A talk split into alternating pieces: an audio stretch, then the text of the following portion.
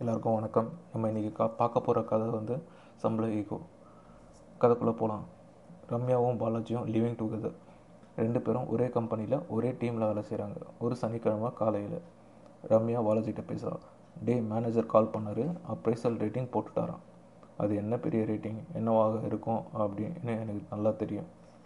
Ramya laptop எடுத்து அவர் ரேட்டிங்காக பார்க்குறா ஒரே அப்செட் லேப்டாப்பை மூடி வச்சுட்டு அழ ஆரம்பிக்கிறான் பாலாஜி என்னன்னு கேட்குறான் என்ன அழுகுற ரேட்டிங் கம்மியாக வந்துருச்சு அதுதான் எவ்வளோ ரேட்டிங் ஃபோர் பாயிண்ட் ஃபைவ் நல்ல ரேட்டிங் தானே. அஞ்சுக்கு நாலு ஃபோர் பாயிண்ட் ஃபைவ்னா சூப்பர் ரேட்டிங் தானே.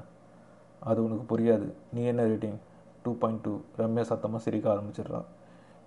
ஏய் என்னப்பா சிரிச்சு அசிங்கப்படுத்துகிற சரி விடு எப்படியோ நான் தானே உன்னை கல்யாணம் பண்ணிக்க போகிறேன் நீ தான் என்னை கல்யாணம் பண்ணிக்க போகிறேன்னா நான் டூ பாயிண்ட் டூ ரேட்டிங் எடுத்தால் பரவாயில்லையா? டேய் உன்னால் அவ்வளோ ரேட்டிங் தாண்டா வாங்க முடியும்.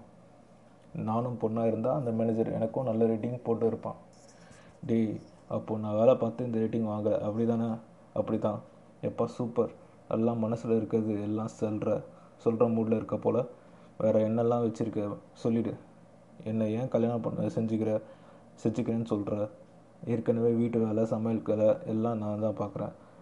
இவன் இவனை கல்யாணம் பண்ணிக்கிட்டா எல்லா வேலையும் கல்யாணத்துக்கு அப்புறம் இவனே செய்வான்னு தானே? டேய் நீ ரொம்ப பேசுகிற ஆஃபீஸ் ஃபுல்லாக நான் தான் வீட்டு வேலை செய்கிறேன்னு சொல்லி என்னை அசிங்கப்படுத்தி இருக்க எல்லா பொண்ணுங்களும் என்னை பார்த்து சிரிக்கிறாங்க ஆஃபீஸில் ஏன் நிறுத்திட்ட? பேசு. உங்கள் அப்பா நம்ம கல்யாணத்தை பற்றி பேசும்போது என்ன இவர் இவ்வளோ சம்பளம் கம்மியாக வாங்குறாருன்னு சொல்லும்போது ஒருத்தருக்கு அவ்வளோதான் கெப்பாசிட்டினா விட்டுணும்னு சொன்னேன். உனக்கு சப்போர்ட் பண்ணி தானடா பேசினேன். அதுதான் என் கெப்பாசிட்டியே அவ்வளோதான் சொல்லிட்டியே. என்னடா குடிக்காமலே இவ்வளோ உண்மையை சொல்கிற அவ்வளோ மனசில் இருந்திருக்கு. வேற என்ன மனசில் வச்சுருக்க? அடுத்து மே அடுத்த மேனேஜர் நீ தான் வருவேன்னு ஆஃபீஸில் பேசிக்கிறாங்க.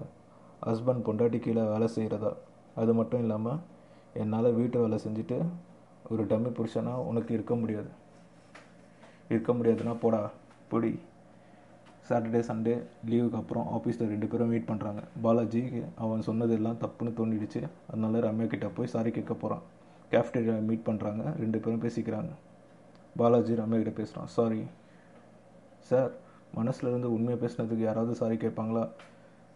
என் மேலே தான் த என் மேலே தான்ப்பா தப்பு மன்னிச்சிடு அப்படியெல்லாம் உன்னை மன்னிச்சிட முடியாது. ஒரு இன்டர்வியூ வச்சு பார்க்குறேன் ஓகேனா பார்க்கலாம் சரி கேள்வி கேளு. நான் பொண்ணாக இருக்கிறது தான் எனக்கு மேனேஜர் இல்லை நல்ல ரேட்டிங் போடுறானா? போடுறான். எவன் சொன்னான். அப்படின்னா எல்லா பொண்ணுங்களும் பெஸ்ட்டு பெர்ஃபார்மராக இருந்திருப்பாங்களே நீ ஏன் நீ மட்டும் இருக்கிற? அட அட என்ன ஒரு தெளிவான பதில். அடுத்த கேள்வி கல்யாணத்துக்கு அப்புறமும் நீ தான் வீட்டு வேலை பார்க்கணும். பொண்ணு தான் வீட்டு வேலை பா செய்யணும்னு எவன் சொன்னான்.